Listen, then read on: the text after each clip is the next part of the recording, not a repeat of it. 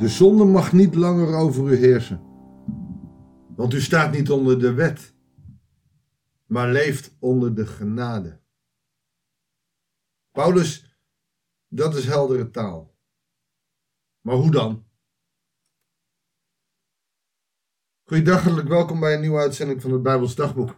Paulus, die laat ons in de Romeinenbrief op een diepe manier meedenken hoe ons leven eruit zou moeten zien. Ook hij is op zoek samen met ons naar de wil van de Hemelse Vader. En in hoofdstuk 5 laat hij duidelijk zien dat Gods genade groot is als wij gezondigd hebben, is er vergeving nabij. En dan gaat hij in hoofdstuk 6 mee verder. En alleen al de eerste zin betekent dat je ziet dat het niet een hoofdstuk apart is, maar dat dit bij het vorige hoofdstuk past. En dat we niet, niet los moeten kijken, maar dat de hoofdstukindeling eigenlijk heel slecht is. Zeker naar voren komend in de Romeinenbrief. Maar daar kijken we maar even overheen. We gaan naar Romeinen 6, de versen 1 tot en met 15. Betekent dit nu we zondigen om de genade te laten toenemen? Dat is een, eigenlijk wel simplistische, maar ook wel bijzondere manier van nadenken. Als je maar veel zondigt, dan krijg je die genade extra. Want die genade is toch mooi? Dit refereert aan het hoofdstuk hiervoor. Nee, zegt Paulus dat in geen geval. Hoe zouden wij, die dood zijn voor de zonde, nog in zonde kunnen leven? zijn in Christus Jezus, zijn gedoopt in zijn dood. We zijn door de doop in zijn dood met hem begraven om, zoals Christus door de macht van de Vader uit de dood is opgewekt, een nieuw leven te leiden.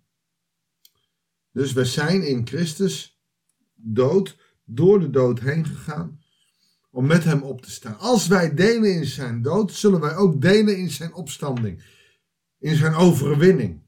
Op de dood is hij overwonnen. Door hem is de dood teniet gedaan. Bam. En daaruit moeten we leven. In weten dat ons oude bestaan met hem gekruisigd is, omdat er een einde moest komen aan ons zondige leven.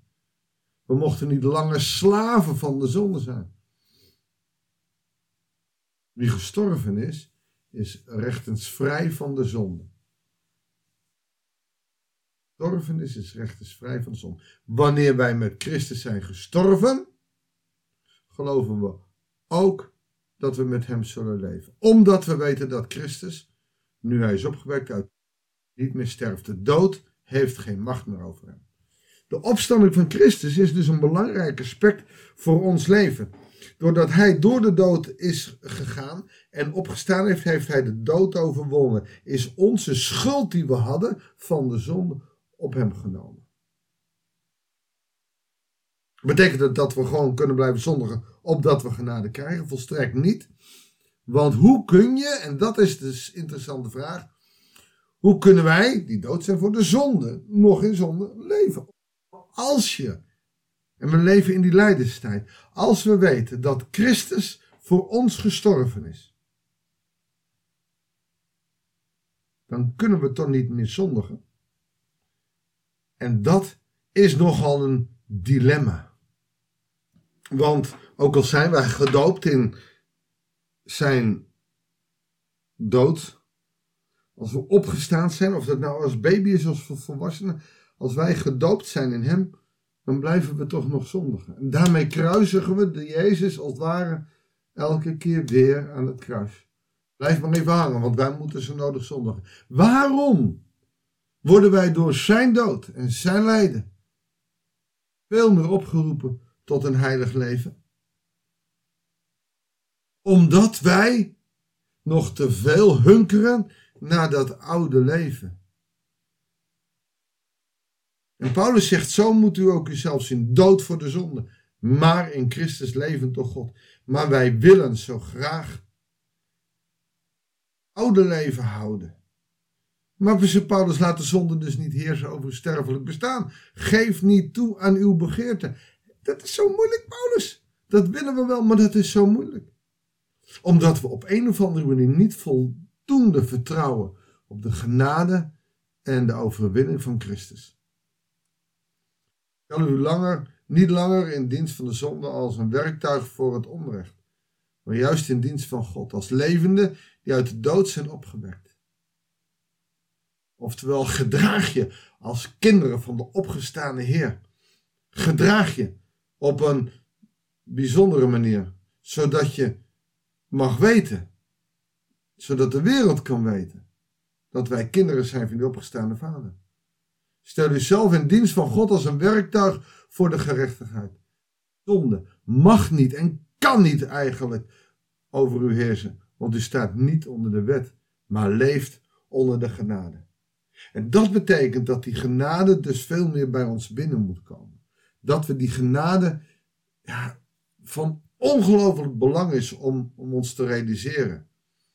Dat het deze Christus en gekruisigd is. En opgestaan. Maar die zonde die blijft over ons heersen. We blijven verlangen naar die zonde. En dat is jammer. Dat zouden we niet moeten doen. We stellen onszelf onder de wet. Naden laten we aan ons voorbij gaan. Heb je daar wel eens over nagedacht? Dan heb je natuurlijk wel de uitspraak van ja, door zijn genade ben ik geen zondaar meer, maar kan er wel zondigen. Ja, sorry, als ik iets steel, dan ben ik een dief. Als ik zondig, dan ben ik een zondaar.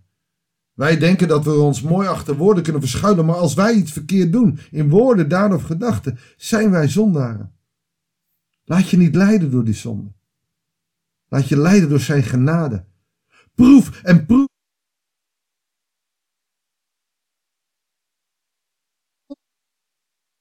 Uitgehangen. Niet zomaar even, maar ook voor jou en mij.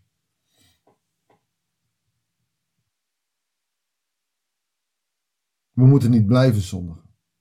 Nee, volstrekt niet. Zouden wij, die door zijn dood voor de zonde nog in zonde kunnen leven? Paulus stelt het zo mooi scherp. Hoe zouden wij nog kunnen zondigen? Hoe haal jij het in je hoofd als jij een Heer hebt die voor jou dood gegaan is, toch nog te zondigen?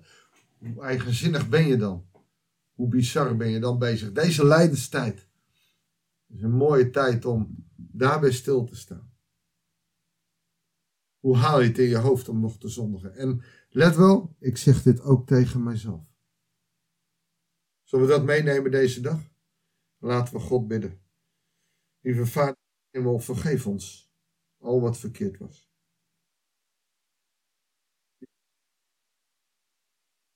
We willen leven van uw genade, maar doen het niet altijd. Vergeef ons dat wat verkeerd was, Heer God, en leer ons door de kracht van uw geest door uw genade te leven en niet meer te zondigen, maar het goede te doen. En u geeft, en we hebben dat gelezen, Matthäus 5 en 6, Heer God, u geeft uw troonrede, u laat zien hoe u wil dat wij leven. Heer, leer ons zo te leven, zodat uw dood niet voor niets is. Uw dood, werkelijk waar, zin had om ons in uw genade te helen, te sterken en kracht te geven om het goede eerder te laten. Heer, ga zo met ons mee deze dag en deze week. Dat bidden we u in de machtige naam van ons Heer Jezus Christus, die voor ons aan het kruis hing, om ons in genade op te nemen. In Jezus' naam. Amen. Dankjewel voor het luisteren. Ik wens je God zegen en heel graag tot de volgende uitzending van het Bijbels Dagboek.